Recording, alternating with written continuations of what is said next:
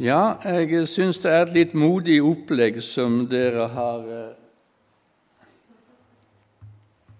laga til.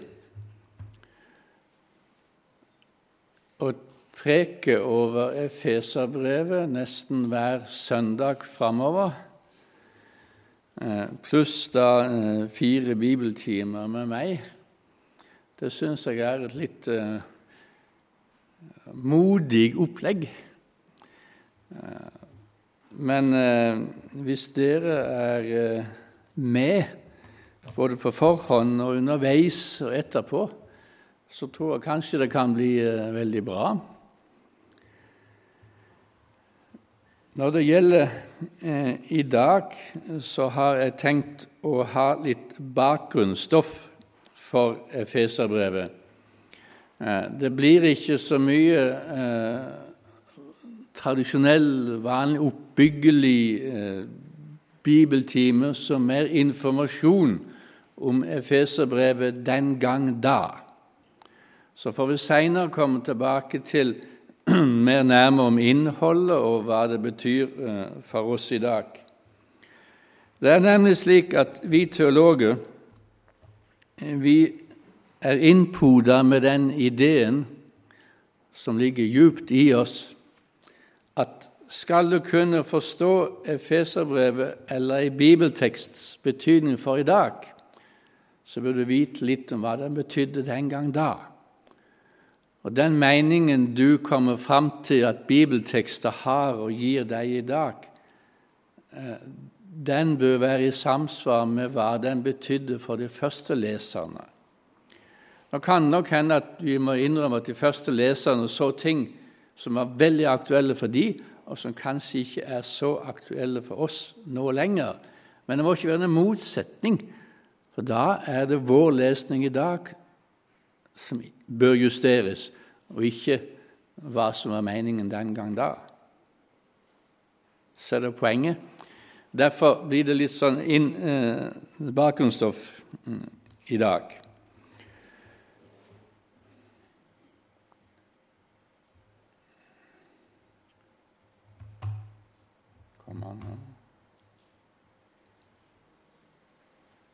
Jeg har et lite slagord i begynnelsen her. Eh, nå er nok mine bokstaver litt små, men jeg har skrevet om Efeserbrevet at det er så dypt at en elefant kan svømme i det, og så grunt at et barn kan vasse i det. Det er et utsagn som egentlig er sagt om Johannesevangeliet, og det er veldig treffende for Johannesevangeliet. For eh, det er ofte det evangeliet vi gir først til en ung kristen, men samtidig er det ikke noe evangelieskrift hvor det er skrevet så masse bøker om som nettopp Johannesevangeliet. Man blir liksom aldri ferdig. Og det samme gjelder Efeserbrevet det er eh, Du leser gjennom det ganske greit. Men teologene som har som oppgave å granske, de blir heller aldri ferdige, og bøkene ser ut til å bli tykkere og tykkere, som skrives for å få fram hva det egentlig handler om. Det tredje punktet mitt i innledningen det er at det jo er litt modig å ha en lutheraner inn i en metodistkirke. Det kan jo hende det kunne si noe en eller annen gang seinere som eh, noen vil si ja, det er i hvert fall ikke metodistisk teologi. Det er du som er lutheraner, som sier det. Men jeg tror jeg kjenner metodisme så hvert, godt nå etter hvert, etter å ha nistudert en av de sentrale metodistiske teologene i Norge i over tre år nå og håper å få ut ei bok om han til jul. Parentes, og det har noe kjøpt et julegave. Parentes slutt. Eh, det blir ei bok på sånn ca. 350 sider, tror jeg. Så jeg veit litt om hva metodismen i Norge har eh, vært i de siste 50 årene. Og Da er det også noe som eh, kom opp midt på 90-tallet, etter lang tid forarbeid, en avtale mellom Den norske kirke og Metodistkirken som kalles for Nådens fellesskap, og som gir adgang til en utveksling av pastorer, prester, imellom Norske kirke og Metodistkirke. Slik at det er jo prester som har vært prest i Norske kirke, som er prest i Metodistkirka nå. Eh, vi hadde en i Drammen. Og det er motsatt. Slik at det er åpent fellesskap om prekestol og nattverdbord. Og Jeg satt tidligere i dag eh, i en sammenheng der jeg kanskje ikke burde ha tenkt på det, jeg gjorde tenkte på, men jeg tenkte at nådens fellesskap det er jo egentlig en veldig god betegnelse på Efeserbrevet, på hva som er sentrum av at det dreier seg om i Efeserbrevet, for der står jo 'av nåde er dere frelst'. Og det dreier seg om forholdet mellom hedningekristne og jødekristne, hvor alle står for, for nåden og har lik adgang til nådens, nådens gave og dermed til nådens, nådens fellesskap. Så det kan godt også stå som en sammenfatning av Efeserbrevet.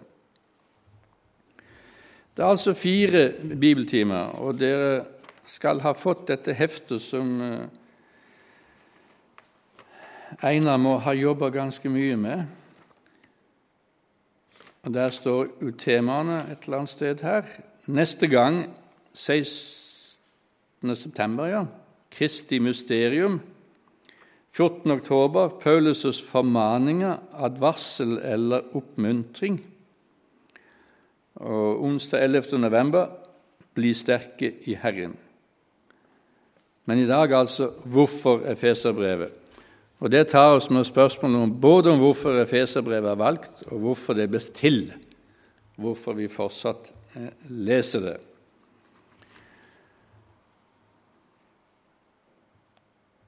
Og de temaene jeg kommer innom i de 45 minuttene jeg er programmert til å bruke, de er om Paulus og Efesus om Paulus og Artemis, gudinnen Artemis, om Efesus, om Paulus og Efeserbrevet, om Efeserbrevet og Efesus, og helt til slutt om hvorfor eller hvordan leser vi Efeserbrevet i dag. Og Hvis vi for tid, tenkte vi skulle avslutte med rett og slett å lese gjennom brevet fortløpende det er en måte dere alltid bør lese når dere leser i Bibelen, at dere ikke leser et vers her, et vers der og et vers der, mannakorn, men at dere leser fortløpende og prøver å få tak i tankegangen i Skriftet, disposisjonen, opplegget. For den godeste Paulus hadde en tankegang og hadde et opplegg som hjelper til å forstå brevet, eller brevene hans. Nå har vi også et annet skrift som sier oss noe om Paulus og Efesus, nemlig i apostlenes gjerninger, der i kapittel 19 så Hele kapittel 19 i apostlenes gjerninger dreier seg om Paulus i Efesus, der han er på sin tredje misjonsreise eller som jeg liker å kalle det, sin tredje misjonsopphold. For han var i Efesus i nesten to og et halvt år. Og da er du jo ikke på reise, du, du har et opphold. Så, og Vi snakker ikke når en misjonær reiser ut her fra Norge, at han drar på misjonsreise, men han drar på en misjonsperiode, eller opphold. Og Det var jo det Paulus også gjorde. Når han dro ut, så visste han ikke hvor lenge han skulle bli på de forskjellige stedene, og han ble ganske variabelt på de ulike stedene. Og Efesus er det stedet hvor han var lengst.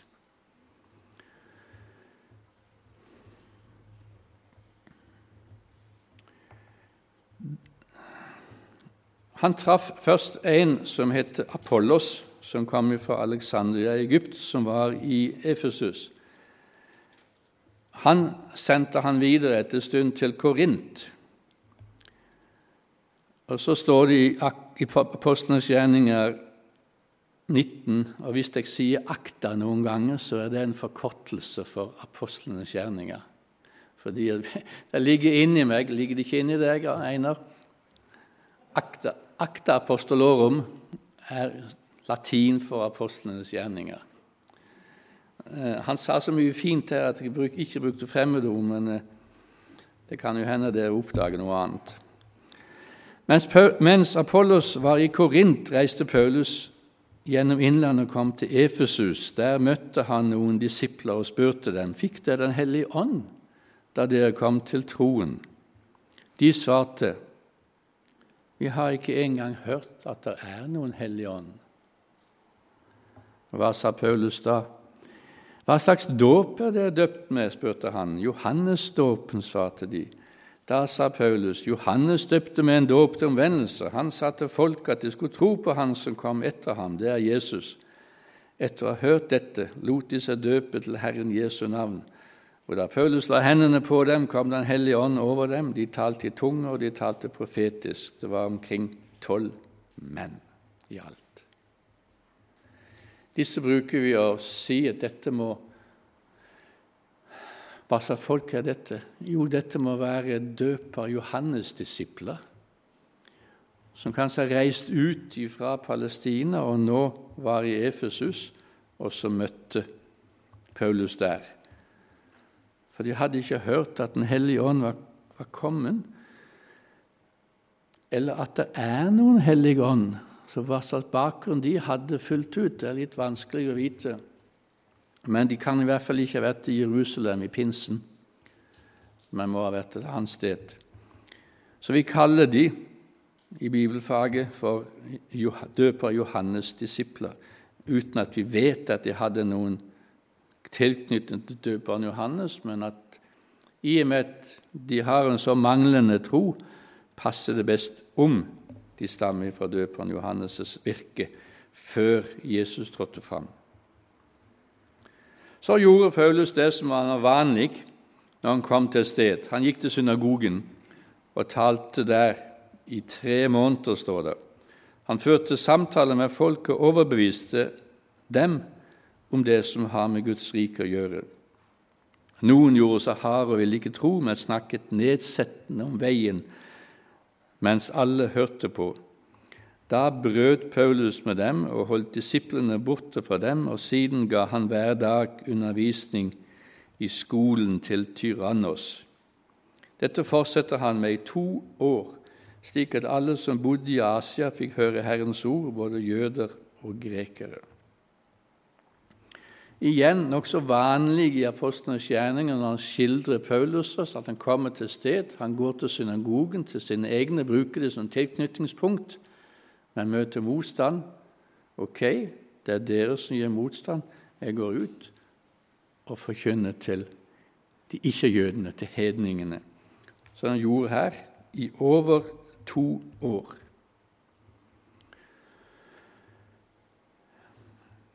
Gud gjorde helt uvanlige under ved Paulus' hender. Det hendte til og med at folk tok tørklær og arbeidstøy som han hadde hatt på seg, og la, på de syke. Da slapp sykdommen tak, og de onde åndene for ut av dem. Det likner litt på det som hendte med Jesus, at det kom en kvinne bakpå, bakfra og tok på kappa hans og ble helbreda. Eh,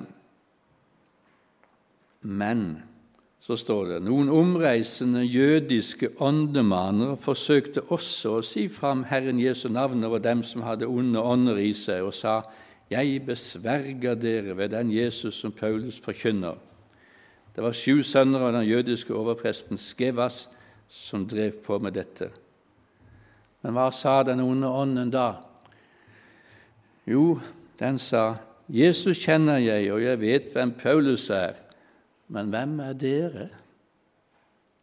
Hvem er dere?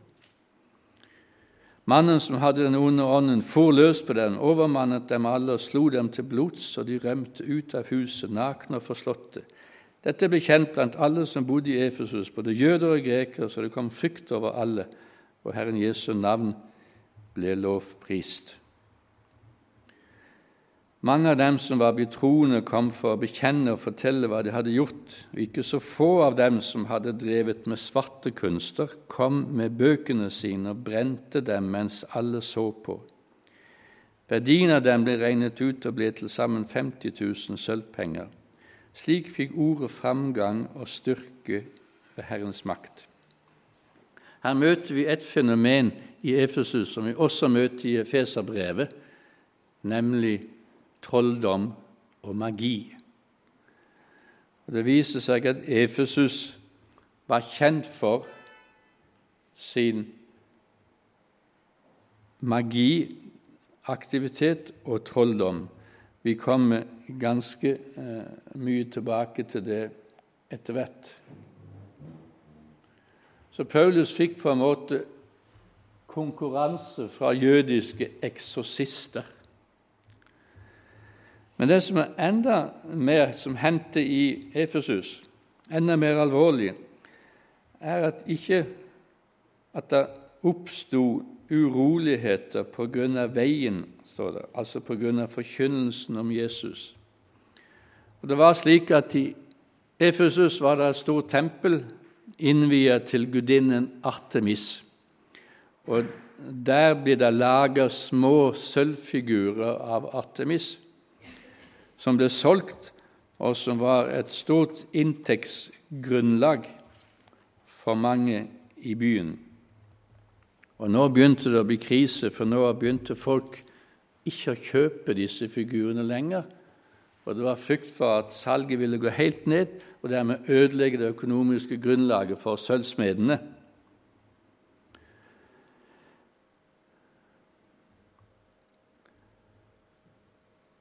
Det står at en sølvsmed med navn Demetrius laget Artemis-templer i sølv og skaffet håndverkerne gode inntekter. Han kalte sammen disse og de arbeiderne som drev med lignende ting, og sa:" Godt folk, dere vet at vår velstand kommer fra dette arbeidet.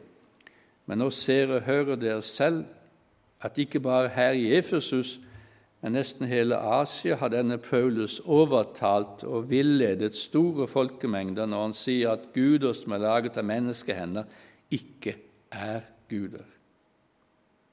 Det er fare for yrket vårt. Verre er det at tempelet til vår store gudinne Artemis kan bli regnet som lite og ingenting. Hun som hele Asia og hele verden dyrker, kan miste sin rang og verdighet. De ble rasende og satte da de hørte dette og satte i gang å rope 'Stor er efeserne Artemis'. Og det ble opprør over hele byen, og de samlet seg og de dro inn i, inn i teateret, for der å komme fram til en avgjørelse i byforsamlingen.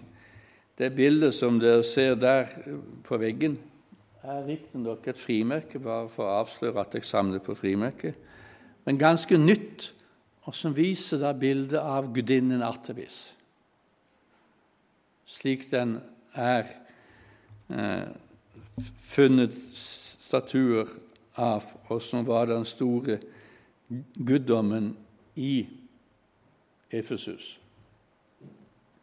Sølvsmeden Dimitrios, suvenirsalget i fare, Businessen var i fare. Vi kan ikke tåle Paulus.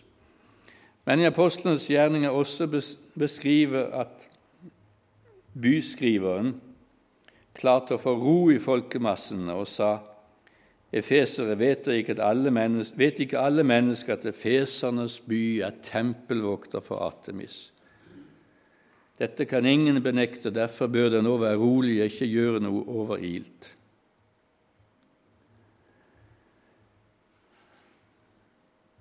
Og så fikk han oppløst hele forsamlingen. Men uroen var så stor at Paulus kalte disiplene sammen og tok farvel og forlot Efesus og dro nordover til Makedonia, til Filippi og til Tessalonika og var der.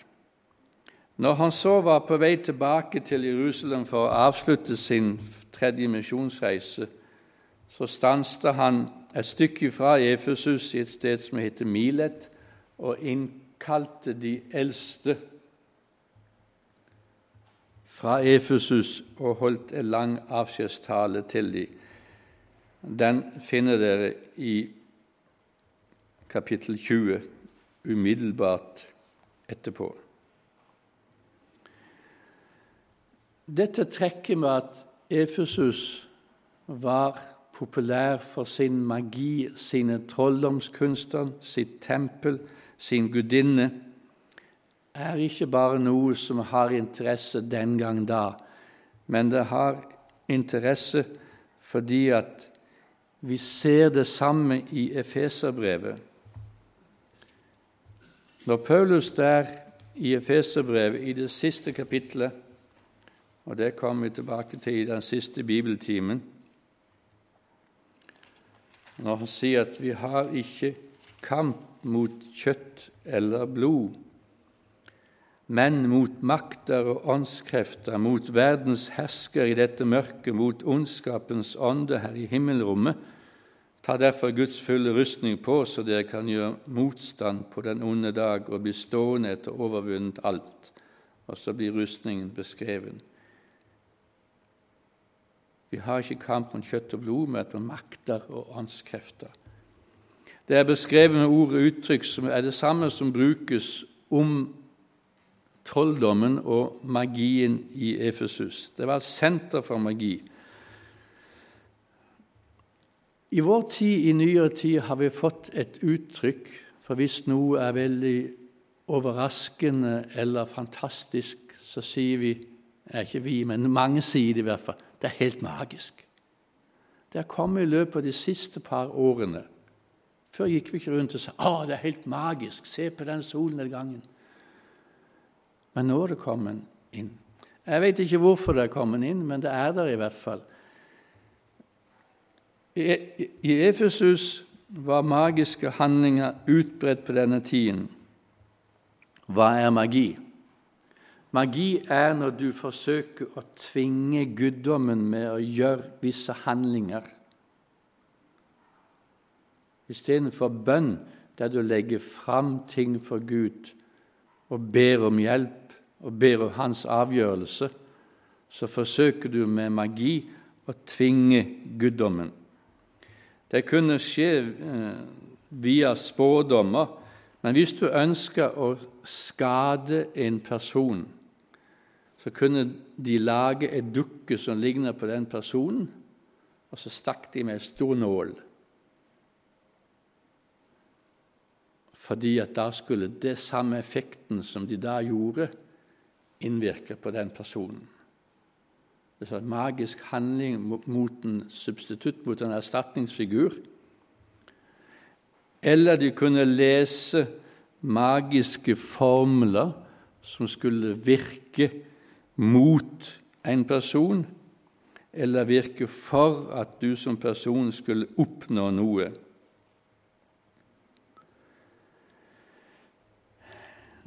Da jeg var i Hellas på en av de første turene, så eh, når vi skulle reise hjem og hadde vært på sightseeing, så var det ei dame der som gav oss en, et lite amulett former som et hjerte til å ha ei kjede rundt halsen. Inni hjertet var det et øye. Har dere sett det noen gang? Har dere hørt om the evil eye, det onde øyet? Det gikk opp for meg seinere at hun gav oss den for den skulle beskytte oss på reisen hjem, sa hun. På 1991-92. Altså, denne amuletten skulle beskytte oss på reisen hjem mot det onde øyet. Og det onde øyet, det er når du ser på en person, og personen oppfatter deg som enten er du misunnelig på vedkommende, eller du ønsker han vondt.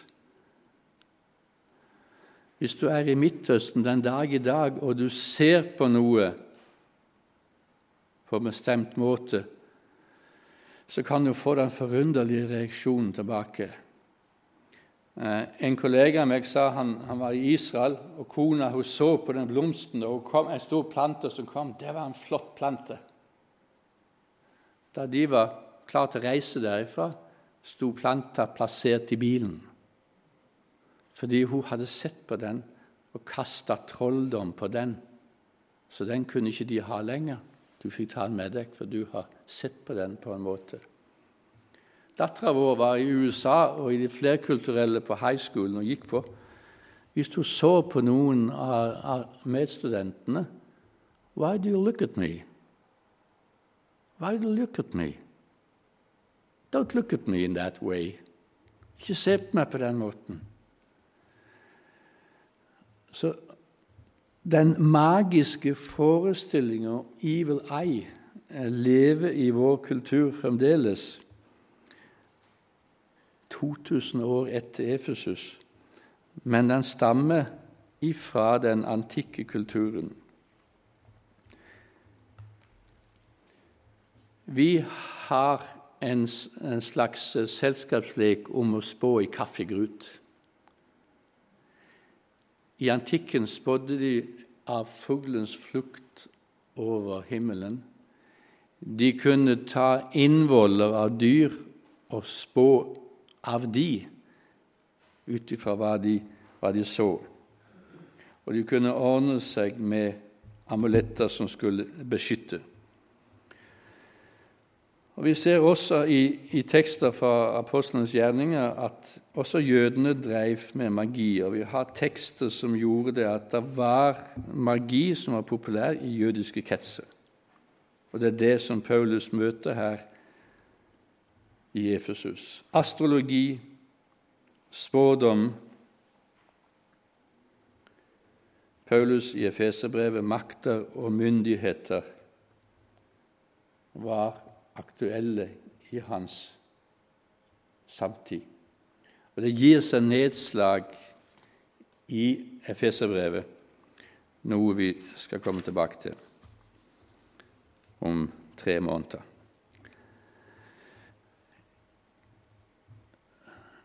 Hvis dere tenker på Paulus' misjonsreise og hvor han hadde opphold, så hadde han stort sett alltid opphold i store byer.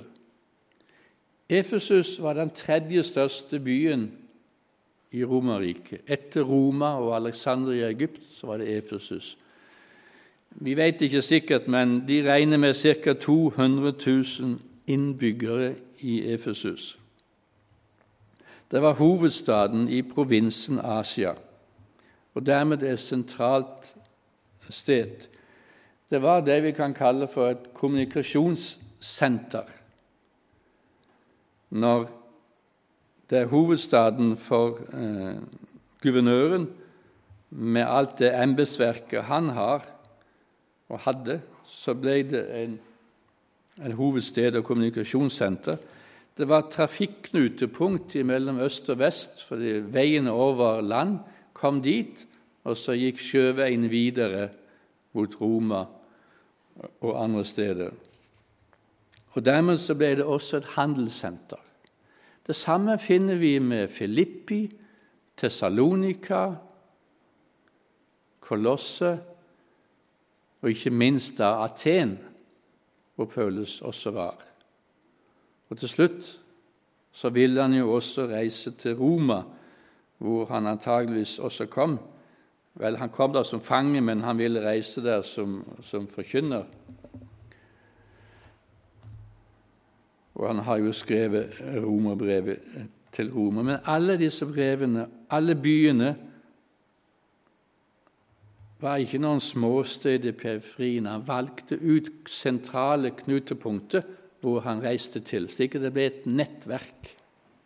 Og I tillegg til å ha nettverk av byer bygde han opp et nettverk av personer, at i alle brevene vil du se at han ofte i, i noen brev har han medarbeidere som avsendere på, andre sier han at han skal sende medarbeidere til.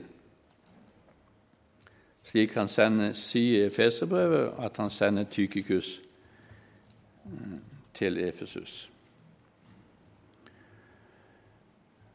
At det var et religiøst senter, det har eh, jeg allerede sagt. Men noen karakteristikker, hvis dere kan klarlese det Multietnisk, polyteistisk, pluralistisk, men ikke sekulært. Multietnisk, altså på grunn av, av trafikknutepunkt, et sted hvor det var folk av ulik bakgrunn, ulike folkeslag. Så Derfor var det jo sentralt for han å være i Efesus og i de store byene. At det var polyteistisk, betyr at mange guderi Poli, mange, teos, Gud. Mange guderi. Det var ikke én gud. Det var nemlig bare to grupper i Romerriket som trodde at det bare var én Gud. Og Det var jødene og de kristne. Så har jeg kalt det for pluralistisk, fordi at i disse byene var det ingen som kritiserte om du trodde på den guden og eller den guden og eller den guden. Du kunne ha så mange du ville, så lenge du også tilba den lokale guddommen, altså i Efesus Artemis, eller Diana, som eh, romerne kalte henne. Så det er pluralistisk Eh, jeg bryr deg ikke om om du tror på Odin eller Thor eller Sevs eller Apollos eller hvem det er som er din Gud. Men husk Diana. Husk Artemis. Du er i Efesus nå. Og Det er også noe av bakgrunnen for at hele opposisjonen mot jødene Som Ok, de trodde på Gud, Javé, og de kristne én Gud, Jesus som er hans sønn. Men de stoppa der. De godkjente ikke å integrere Artemis og Apollos og Sevs eller hvem det måtte være av de andre gudene, fordi at det bare er én Gud. Jødene hadde fått visse særrettigheter av de romerske myndighetene siden de var så sære, så skal de og dessuten de var jo ikke så mange, så det er greit. Ok, La de, la de få, ha det sånn da de er så dumme og tror at det bare er én Gud. Og De fikk lov til det, og fikk lov til å feire sabbaten. De fikk lov til å betale skatt til Jerusalem. Det var andre slike rettigheter de fikk. Men de fikk ikke de kristne, for de var jo ikke jøder. Så de fikk krav om Bøy deg for vår Gud, Artemis. Og Så sier jeg også at det var ikke sekularisert. Og Det er jo det ordet vi bruker for å beskrive vår verden i dag. Vi lever i et sekulært samfunn. Det er ikke noen religion som gir overbygninger, som styrer alle våre lover, vår utdanning, vår moral.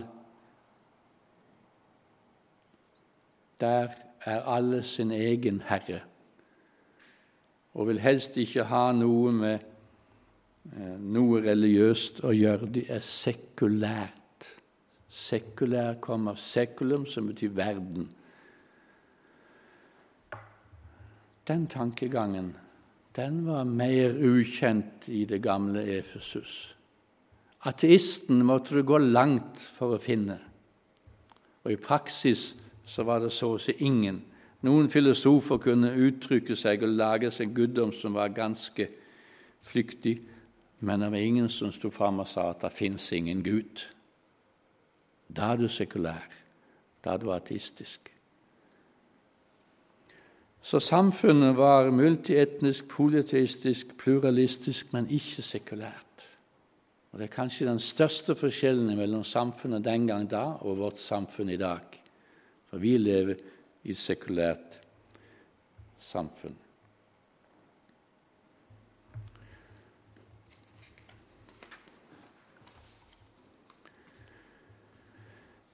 Dette er noe av bakgrunnen for Efeserbrevet, skrevet til en av de store byene, skrevet til en hvor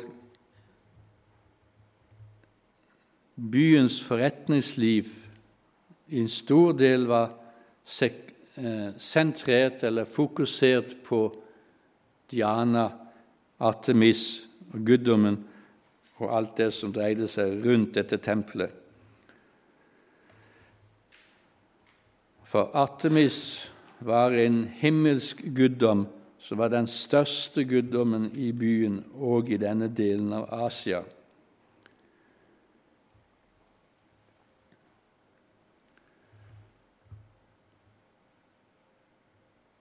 Hva så med Paulus og Efeserbrevet? Et helt annet spørsmål. Nå fokuserer vi på Efeserbrevet og spør var det egentlig Paulus som skrev Feserbrevet.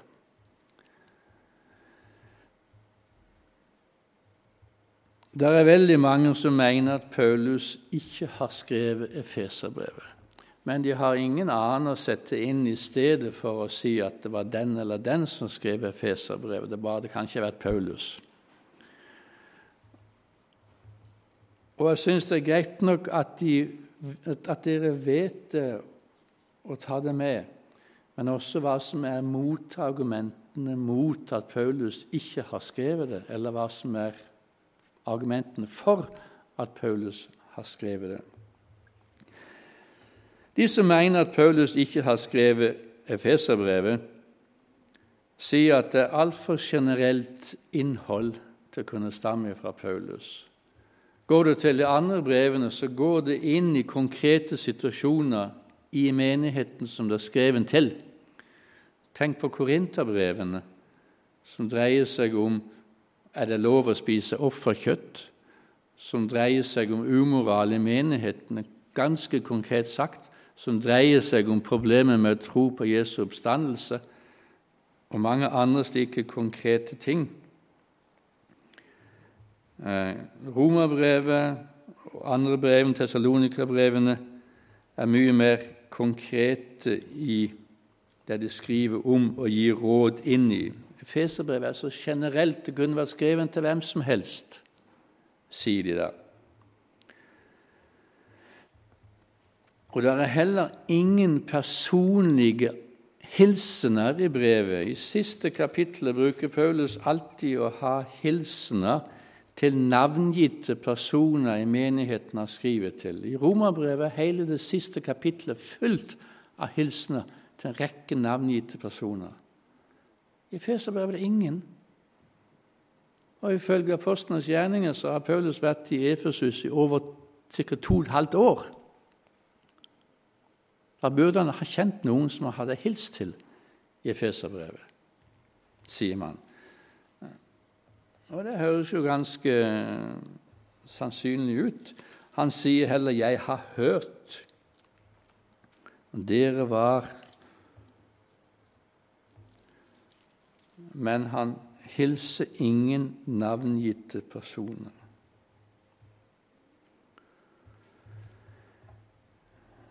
Men, sier du kanskje, det står jo i første verset i Efeserbrevet Paulus etter Guds vilje, Kristi Jesu apostel, hilser de hellige i Efesus. Altså Paulus. Og i kapittel 3,1 så står det Derfor bøyer jeg mine knær, jeg, Paulus, som nå er Jesu Kristi fange for dere hedningers skyld. Og det samme i, eh, en gang seinere jeg, Paulus. Så hvis ikke det da er skrevet av Paulus, så må det ha skrevet av noen som har skrevet det i falskt navn. Og Da er det man leser Efeserbrevet videre og, skriver, og ser at han har en masse biografiske henvisninger om sitt liv. Jeg bøyer mine knær, jeg Paulus, som nå er Kristi Jesu fange for dere hedningers skyld. Dere har hørt om den forvalteroppgaven som jeg er gitt. I en åpenbaring så fikk jeg mysteriet gjort kjent og har skrevet kort om det. Derfor bøyer jeg mine knær. Og det er andre trekk som viser at Eller som passer på Paulus, og som må være at han skriver selvbiografisk, og som er tydelig vitnesbyrd om at det er ikke noen annen som har skrevet i Paulus' navn, men at Paulus må ha skrevet det sjøl, eller at det stammer ifra Paulus. Og Da er det et spørsmål som har vært brukt en del det nederste der. Brukte han sekretær, kanskje? Kanskje var det noen andre som skrev brevet med sin hand. Det var ca. mellom 10 og 20% av befolkningen på denne tida som kunne lese og skrive. Altså 80-90% kunne ikke verken skrive eller lese. Paulus, som var utdannet rabbiner, kunne nok både skrive og lese. Men i Romerbrevet, i siste del der, så er det en som stikker nesa fram og skriver om seg sjøl. Bare noen finner det igjen i farten. Mm. Der skriver jeg, Tertius, som skriver dette brevet i 1622, hilser dere.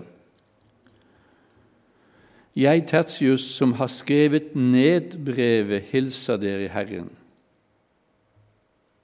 Og Et annet sted skriver Paulus.: Se hvor store bokstaver jeg her skriver med når jeg skriver. Eh, I Romerbrevet har vi da at sekretæren sjøl stikker nesa fram og skriver 'Jeg, Tertius', som skrev ned brevet. Altså, det er ikke Paulus som har skrevet egenhånd romerbrevet. Han har skrevet det ved hjelp av en sekretær.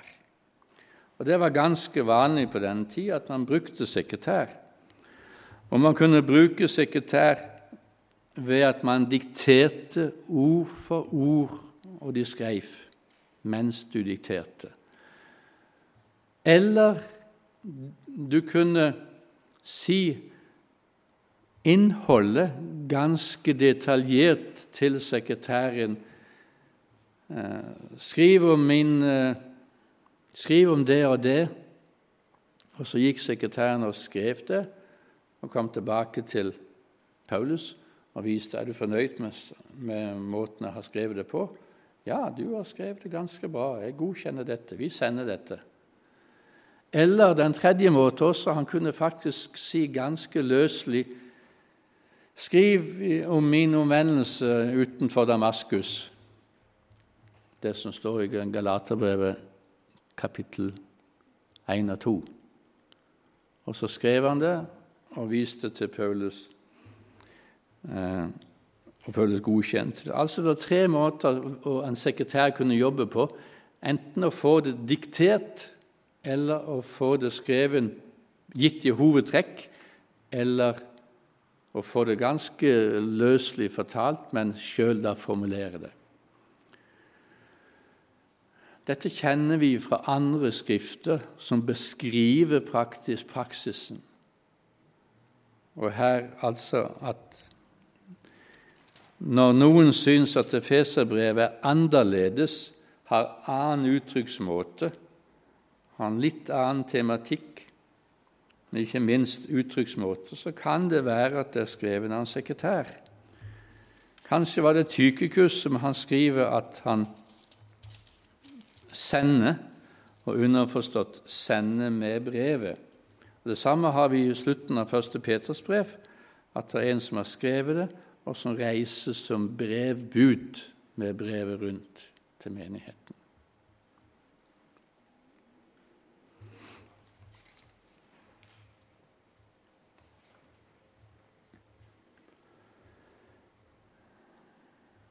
Og Så er det et annet spørsmål som dere kanskje synes er like underlig, men veldig aktuelt i bibelfaget. Ble Efeserbrevet egentlig skrevet til Efesus? Hvorfor tvile på det? Har dere noe svar på det?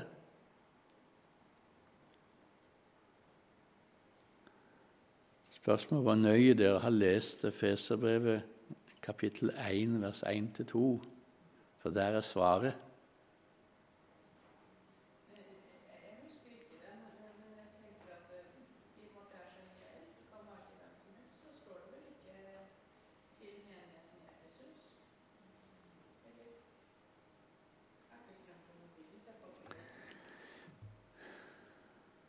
Paulus etter Guds vilje, Kristi Jesu apostel, hilser de hellige i Efesus. De troende i Kristus Jesus, nåde være med dere, fred fra Gud. Ja, men hadde du sett i tekster, så står det to stjerner rundt Efesus, en foran og en bak. Og så står det en fotnote nederst i tekster i Bibelen som sier eh, at dette ordet mangler i de eldste håndskriftene vi har. Slik at dere vet at vi har ikke den første utgaven av Efeserbrevet. Vi har ikke det som Paulus eller en sekretær skrev. Det vi har, er avskrift av avskrift av avskrift av avskrift av avskrift i n-te ledd. Altså de greske eh, manuskriptene til Efeserbrevet de stammer opp fra slutten av andre århundre og tredje århundre og fjerde århundre framover. Vi har ikke det fra det første århundret som var først. Og så fins det da en rekke håndskrifter. Og det fins noen store som inneholder hele Nytestamentet. Og i to av disse mangler ordet Efesus i vers 1. Det, vil si, det er jo ikke noe vers 1, for det er jo noe senere tillegg, men det mangler i de første linjene. Og Da står det bare Paulus etter Guds vilje, Jesu Kristi apostel, hilser de hellige, de troende i Kristus Jesus. Og da er det man har spurt hmm, Kanskje det ikke er skrevet til Efesus i utgangspunktet, når det mangler i noen få gamle manuskript. Og De som det mangler i, er ganske viktige og ganske gamle, selv om de ikke er av de eldste. Og Det er noe av den problemet vi har med at vi ikke har grunntekster i originalutgaven men vi har avskrift av avskrift av avskrift. Det gjelder alle bibeltekstene. Noen er stor avstand. Før vi fant Dødehavsrullene på 19, slutten av 1940-tallet i Kumran, var, original, var eh, de hebraiske tekstene til Jesaja-boka cirka, fra ca. 1000 år etter Jesaja levde. 1017, mer enn 1000 år. Og så plutselig finner man Jesaja-rull i Kumran, og man finner en tekst som da er mellom 600 og 1000 år yngre. Nei, eldre, selvfølgelig. Eldre. Og så kunne man da sammenligne og se Rullen fra Qumran og den rullen som stammer fra tusentallet, er det stor forskjell. Det er noen småfeil, noen, noen endringer, men det er ikke det store forskjellen på det. Når det gjelder Feserbrevet, så er det en avstand fra de eldste skriftene på mellom 100 og 150 år, fra Paulus skrev til de eldste tekstene vi har. Og de eldste tekstene som da ikke er originale, der er det noen som mangler i Efesus. Og da sier man, tenker man, at Efeserbrevet kanskje er et rundskriv, hvor det var åpen luke, og de kunne fylle inn det stedet hvor det ble sendt til. Så var det til Efesus, så skrev de Efesos. Var det til en annen by, så skrev de inn den navnet. Det høres veldig smart ut. Problemet er bare at vi har ingen håndskrifter som har noe annet ord enn Efesus. Vi har altså en rekke håndskrift Efesus, Efesus, Efesus, Efesus. Ingenting, ingenting, ingenting. Efesus, Efesus, Efesus. Er det, er det ikke det rart at hvis det hadde stått Kolosset, f.eks., eller Laudikea, eller noe annet, at vi ikke har ett håndskrift bevart som står Paulus hilser de kristne hellige i Laudikea? Det har vi ikke. Så Det eneste vitnesbyrdet vi har, er at Efeserbrevet er skrevet til Efesus, og at vi har noen håndskrifter som har utelatt dette. Dette blir litt intrikat, syns dere kanskje, men, men, sånn er det. Og det er noe som vi, vi må jobbe med. Motargumentene mot er altså at vi ikke har noen manuskript som har noe annet ord. Et annet motargument er at gresken blir dårlig hvis du tar ut Efesus som adressatord.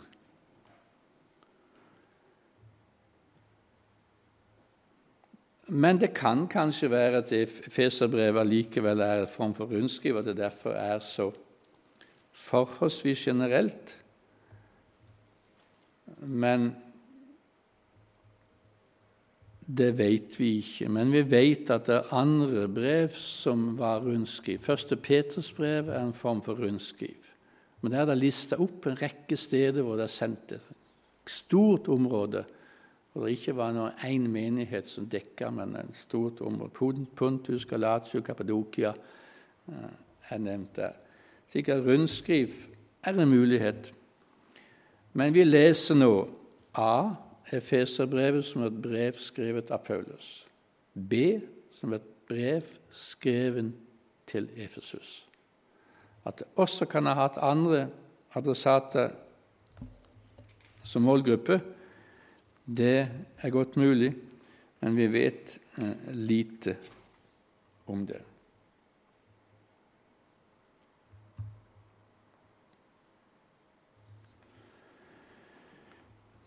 Det går mot slutten nå.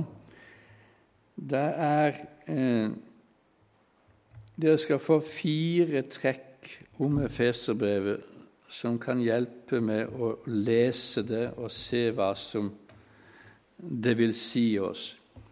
For det første Brevet tar opp den trusselen de kristne levde med fra åndsmaktene i byen. Og de ser disse i lys av Guds makt. Vi har ikke kamp mot kjøtt og blod, men mot himmelrommets krefter.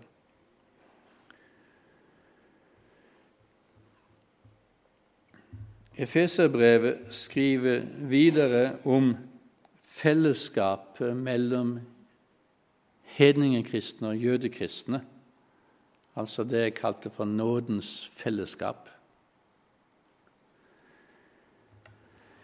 Det var problemet i noen menigheter å integrere disse to gruppene.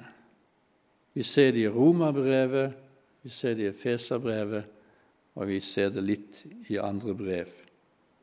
Ingen av de to gruppene, hedningkristne, jødekristne, har noe å rose seg av overfor de andre. De må komme sammen i et nådens fellesskap. For det tredje Efeserbrevet dreier seg om å tilegne seg et nytt livs- og trosmønster. Og Der kommer det avsnittet inn som vi kaller for formaningene. Jeg formaner dere, jeg som er fange, at dere lever et liv som er verdig det kallet dere har fått i mildhet, ydmykhet og storsinn, så det bærer over med hverandre i kjærlighet. Og for det fjerde det dreier seg om å styrke identiteten til leserne som kristne. Identitetsstyrkende hva er jeg som kristen? Hva har jeg fått del i som kristen? Hva er grunnlaget for å kalle meg kristen? Og Paulus har et yndlingsuttrykk som både fins her og i andre skrift, nemlig at vi er i Kristus. I Kristus. Der er identiteten, der er grunnlaget, der er særpreget, der er innholdet i den kristne identiteten. I Efeserbrevet fins uttrykket 'i Kristus' eller tilsvarende en 30 ganger. Bare les sjøl.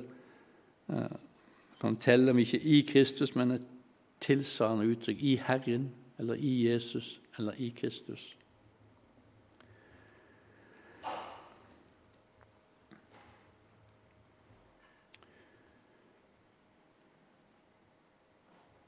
Da har jeg brukt mine 45 minutter pluss. Har jeg det? Hun nikker. Jeg hadde tenkt at du skulle lese det Feserbrevet gjennom på tvers. Orker dere det? Ja.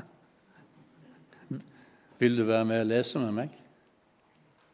Vil du være med og lese med meg? Du kan lese et kapittel hver framover. Hvis dere har Bibelen med, så kan dere jo uh, slå opp og følge med. Og Det ønsker jeg bare for siden da neste gang ja, bør, man, bør dere ha med Bibelen. For da kan jeg henvise til Jeg prøvde å sette hele, hele teksten på skjermen, men jeg fant ut det ville bli 25 forskjellige bilder, sånn, så jeg måtte klikke hele veien. Nå finnes det forskjellige oversettelser, og det er litt ut ulike uttrykksmåter. Men eh, jeg skal lese første kapittel, og så skal hun få lese andre kapittel. Første kapittel består av en åpningshilsen, en åpningsvelsignelse og en takk og forbønn. Paulus, etter Guds vilje, Kristi Jesu apostel, hilser de hellige i Efesus, de troende i Kristus Jesus. Nåde være med dere, fred fra Gud vår Far og Herren Jesus Kristus.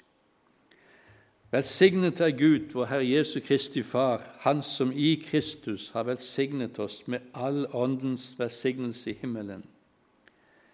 I Kristus utvalgte han oss før verdens grunnvoll ble lagt, til å stå for Hans ansikt, hellige og uten feil. I kjærlighet og etter sin egen gode vilje avgjorde han på forhånd at vi skulle få rett til å være Hans barn ved Jesus Kristus, til lov og pris for Hans herlighet og nåde som Han overøste oss med i Ham som Han elsker så høyt. Legger det merke til i Ham i Kristus allerede har kommet tre-fire ganger.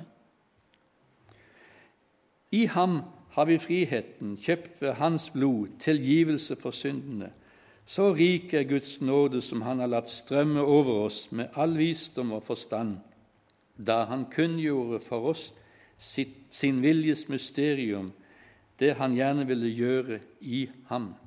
Han ville fullføre sin frelsesplan i tidens fylde og sammenfatte alt i Kristus, alt i himmel og på jord i ham. I ham er også vi blitt arvinger, vi som på forhånd var bestemt til det etter Guds forsett, Han som gjennomfører alt etter sin egen plan og vilje. Slik skulle vi være til lov og pris for Hans herlighet, vi som alt nå har satt vårt håp til Kristus. I ham kom også dere til tro da dere hørte sannhetens ord i evangeliet om deres frelse. I ham ble dere merket med seilet, Den hellige ånd, som var lovet oss.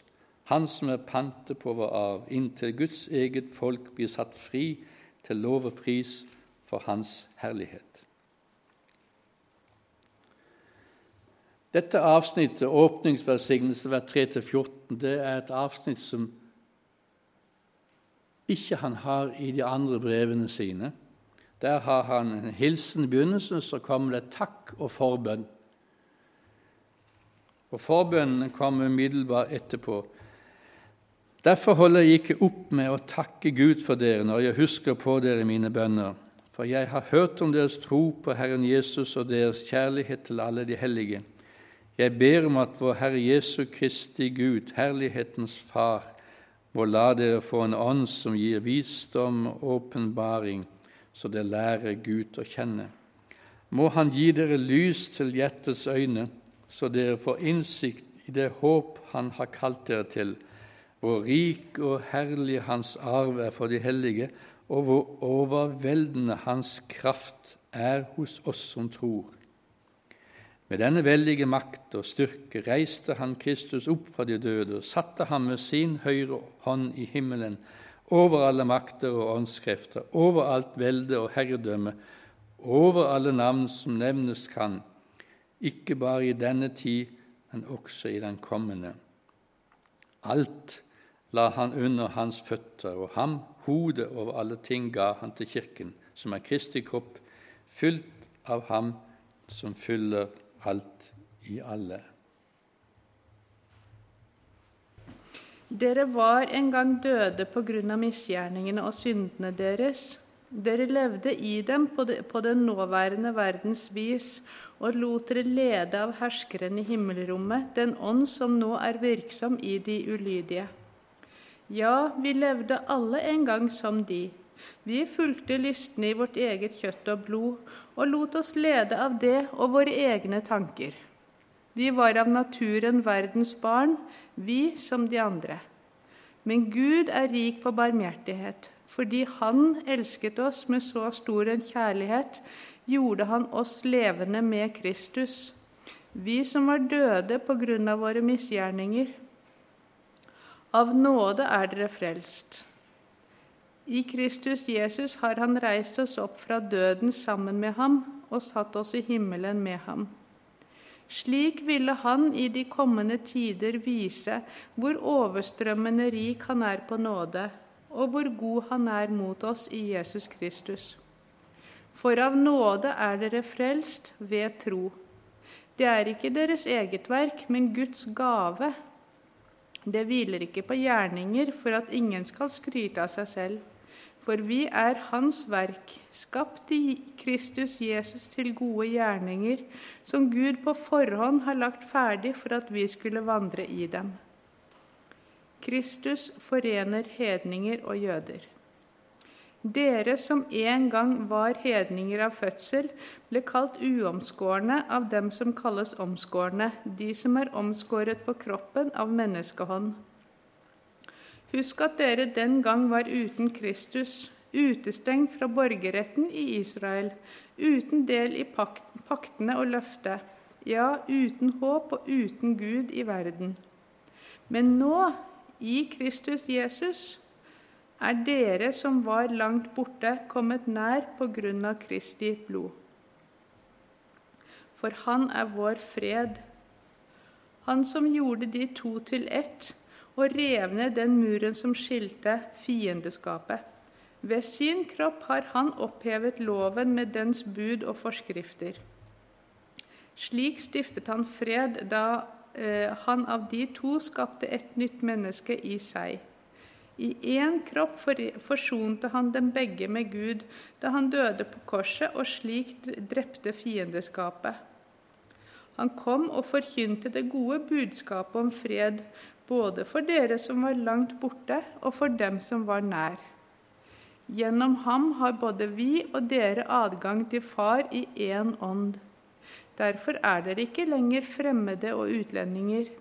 Nei, dere er de helliges medborgere og Guds familie. Dere er bygd opp på apostlenes og profetenes grunnvoll, med Kristus Jesus selv som hjørnesteinen. Han holder hele bygningen sammen, så den vokser til et hellig tempel i Herren. Og i ham blir også dere bygd opp til en bolig for Gud i Ånden. Derfor bøyer jeg mine knær, jeg Paulus, som nå er Kristi Jesu fange for dere hedningers skyld. Dere har hørt om den forvalteroppgaven Gud i sin nåde har gitt meg hos dere. I en åpenbaring blir mysteriet gjort kjent for meg. Jeg har ovenfor skrevet ganske kort om dette, og når dere hører det opplest, kan dere skjønne hvilket innsikt jeg har i Kristi mysterium. Det var ikke gjort kjent for menneskene i tidligere slekter, men nå er dette mysteriet ved Ånden blitt åpenbart for Hans hellige apostler og profeter, at hedningen har del i samme arv, samme kropp og samme løfte i Kristus Jesus ved evangeliet. Jeg ble en tjener for dette evangeliet da Gud med sin veldige kraft ga meg sin nådegave. Jeg som er den minste av de hellige, har fått den nåde å forkynne det gode budskap om Kristi ufattelige rikdom for folkeslagene og bringe Guds frelsesplan fram i liv i lyset. Det er mysteriet som for evighet av har vært skjult hos Gud, Han som skapte alt. Slik skulle Hans mangfoldige visdom bli kunngjort gjennom Kirken for maktene og åndskreften i himmelrommet, etter Guds evige forsett som Han nå har fullført i Kristus Jesus, vår Herre. I ham har vi frimodighet, og i troen på ham kan vi komme frem for Gud med tillit. Derfor ber jeg dere, mist ikke motet fordi jeg må lide for deres skyld. Det er jo en ære for dere. Derfor bøyer jeg mine knær for Far, Han som har gitt navn til alt som kalles Far, i himmel og på jord. Må Han som er så rik på herlighet, gi deres indre menneske kraft og styrke ved sin ånd. Må Kristus ved troen bo i deres hjerter, og dere stå rotfestet og grunnfestet i kjærlighet må dere sammen med alle de hellige bli i stand til å fatte bredden og lengden, høyden og dybden, ja, kjenne Kristi kjærlighet, som overgår all kunnskap. Må det bli fylt av hele Guds fylde. Han som virker i oss med sin kraft og kan gjøre uendelig mye mer enn det vi ber om og forstår Ham være ære i Kirken og i Kristus Jesus gjennom alle slekter og evigheter. Amen. Det er en vanlig inndeling at i første delen av Paulusbrevene har vi en læremessig, dogmatisk del, mens i andre del, andre halvdel eller siste del, er det formaninger etikk, moral, formaninger til hvordan livet skal leves. Og kapittel 4 og kapittel 5, og delvis også 6, ja, nesten hele 6, er formaninger. Mens de tre, tre første vi nå har lest, dreier seg om å utlegge frelsesverket. Så formaner jeg dere, jeg som er fange for Herrens skyld, at dere lever et liv som er verdig det kallet dere har fått, i mildhet, ydmykhet og storsinn, så dere bærer over med hverandre i kjærlighet. Sett alt inn på å bevare Åndens enhet i den fred som binder sammen. Én kropp, én ånd, slik dere fikk ett håp da dere ble kalt én Herre, én tro, én dåp, én Gud og alles Far. Han som er over alle og gjennom alle og i alle. Til hver enkelt av oss er nåden gitt, alt ettersom Kristi gave blir tilmålt. Derfor heter det Han steg opp i det høye og bortførte fanger, til menneskene ga han gaver. At han steg opp, må jo bety at han først var steget ned til det aller laveste, til jorden. Han som steg ned, er den samme som steg høyt opp over alle himler for å fylle alt. Og det var, og det var han som ga noen til å være apostler, noen til profeter, noen til evangelister og noen til hyrdere og lærere, for å utruste de hellige til tjeneste, så Kristi kropp bygges opp inntil vi alle når fram til enheten i troen på Guds sønn og i kjennskapet til ham og blir det modne mennesket som er fullvoksent og har hele Kristi fylde. Så skal vi ikke lenger være umyndige småbarn, ikke la oss kaste hit og dit og drive omkring hvert eneste, ved hvert eneste vindpust av ny lære, så vi blir et bytte for menneskers falske spill og listige, forførende knep Men vi skal være tro mot sannheten i kjærlighet, og i ett og alt vokse opp til Ham som er hodet Kristus.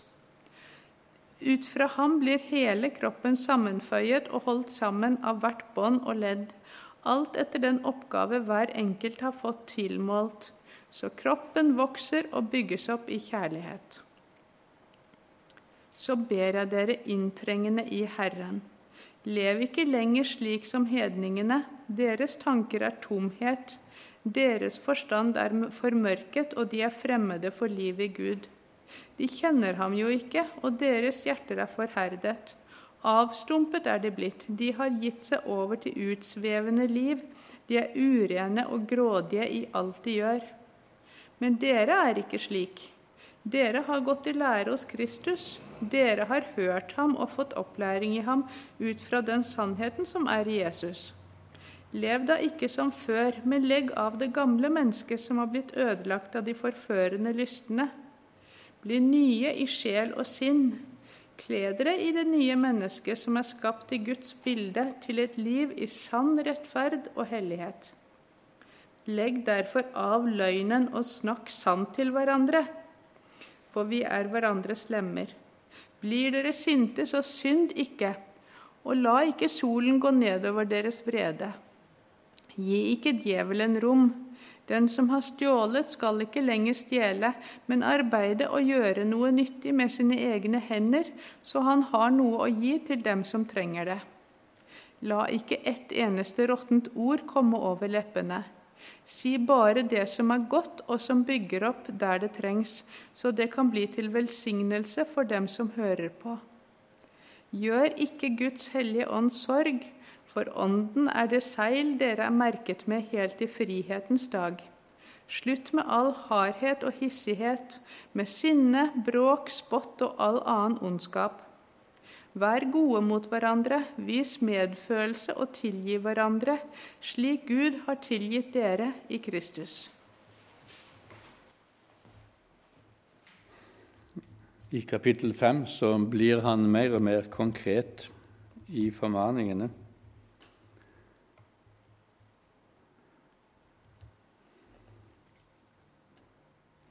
Ha Gud som forbilde, dere som er Hans elskede barn. Lev i kjærlighet slik Kristus elsket oss og gav seg selv for oss som en offergave, en velluktende duft for Gud. Hor, all slags urenhet og grådighet må det ikke engang være tale om hos dere. Slikt sømmer seg ikke for hellige. Rå ord, tåpelig tale og grovt snakk er også upassende. Si heller takk til Gud, for dere skal vite at ingen som driver hor, lever i urenhet eller er grådig, skal arve Kristi og Guds rike. Dette er jo avgudsdyrkelse. La ingen narre dere med tomme ord, for slikt gjør at Guds vrede rammer de ulydige. Gjør ikke felles sak med dem. En gang var dere selv mørke, men nå i Herren er dere lys. Lev da som lysets barn. Lysets frukt er all godhet, rettferd og sannhet. Prøv hva som er til glede for Herren. Ta ikke del i mørkets gjerninger, for de bærer ingen frukt. Avslør dem heller. Det som slike folk driver med i det skjulte, er det en skam bare å nevne men alt kommer for dagen når det blir avslørt av lyset, og alt som kommer for dagen, er lys. Derfor heter det:" Våkn opp, du som sover, og stå opp fra de døde, og Kristus skal lyse for deg. Pass derfor nøye på hvordan dere lever, ikke som ukloke mennesker, men som kloke, så dere bruker den dyrebare tiden godt, for dagen er onde. Vær ikke uforstandige, men forstå hva som er Herrens vilje. Drikk dere ikke fulle på vin, det fører til utskjelelse. Bli heller fylt av Ånden, og syng sammen. La salmer, hymner og åndelige sanger lyde. Syng og spill av hjertet for Herren. Takk alltid vår Gud og Far for alt i vår Herre Jesu Kristi navn.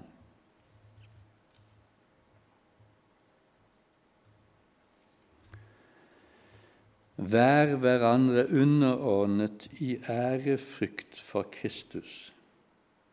Dere kvinner, underordne dere ektemennene deres som under Herren selv. For mannen er kvinnens hode slik Kristus er kirkens hode, han er frelser for sin kropp. Som Kirken underordner seg Kristus, skal kvinnene underordne seg sine menn i alt.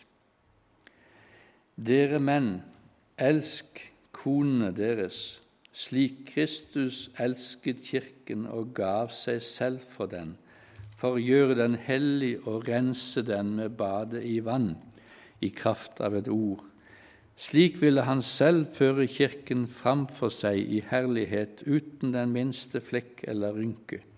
Hellig og uten feil skulle den være.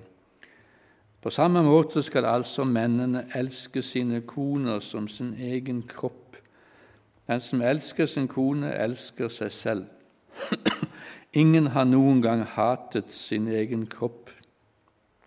Nei, man gir kroppen næring og pleier den på samme måte som Kristus gjør med Kirken, for vi er lemmer på hans kropp. Derfor skal mannen forlate far og mor og holde fast ved sin kvinne, og de to skal være én kropp. Dette er et stort mysterium. Jeg tenker på Kristus og Kirken, men det gjelder også hver enkelt av dere. Hver mann skal elske sin kone som seg selv, og hun skal ha respekt for sin mann. Dere barn, vær lydige mot foreldrene deres i Herren, for det er rett og riktig. Du skal hedre din far og din mor. Dette er det første budet med et løfte, så det kan gå deg godt og du kan leve lenge i landet. Dere foreldre, Vekk ikke sinne og trass hos barna deres, men gi dem omsorg, så de får en oppdragelse og rettledning som er etter Herrens vilje. Dere slaver, vær lydige mot deres jordiske herrer som mot Kristus selv, med respekt og ærefrykt og av et oppriktig hjerte. Vær ikke øyetjenere som bare vil gjøre mennesker til lags, men Kristi tjenere som helhjertet gjør Guds vilje. Gjør tjeneste med et villig sinn. Det er Herren og ikke mennesker dere tjener. Og dere vet at Herren skal gi hver enkelt igjen for det gode han gjør, enten han er slave eller fri. Dere herrer, gjør det samme mot slavene deres. Bruk ikke trusler, dere vet at både de og dere har samme Herre i himmelen, og han gjør ikke forskjell på folk. Guds rustning. Til slutt, bli sterke i Herren, i Hans veldige kraft. Ta på dere Guds fulle rustning, så dere kan stå imot djevelens listige knep. For vår kamp er ikke mot kjøtt og blod, men mot makter og åndskrefter, mot verdens herskere i dette mørket, mot ondskapens ånde her i himmelrommet. Ta derfor på Guds fulle rustning, så dere kan gjøre motstand på den onde dag og bli stående etter å ha overvunnet alt. Stå da fast. Spenn sannhetens belte rundt livet og kle dere i rettferdighetens brynje. Stå klar med fredens evangelium som sko på føttene. Hold alltid troens skjold høyt med det kan dere slukke alle den, alle den onde brennendes piler, ondes brennende piler. Ta imot frelsens hjelm og åndens sverd, som er Guds ord. Gjør dette i bønn og legg alt fram for Gud. Be alltid i ånden. Våk og hold ut i bønn for alle de hellige, også for meg. Be om at de rette ordene skal, må bli gitt meg når jeg skal tale, så jeg frimodig kan gjøre evangeliets mysterium kjent, det som jeg er sendebud for også mens jeg er i lenker.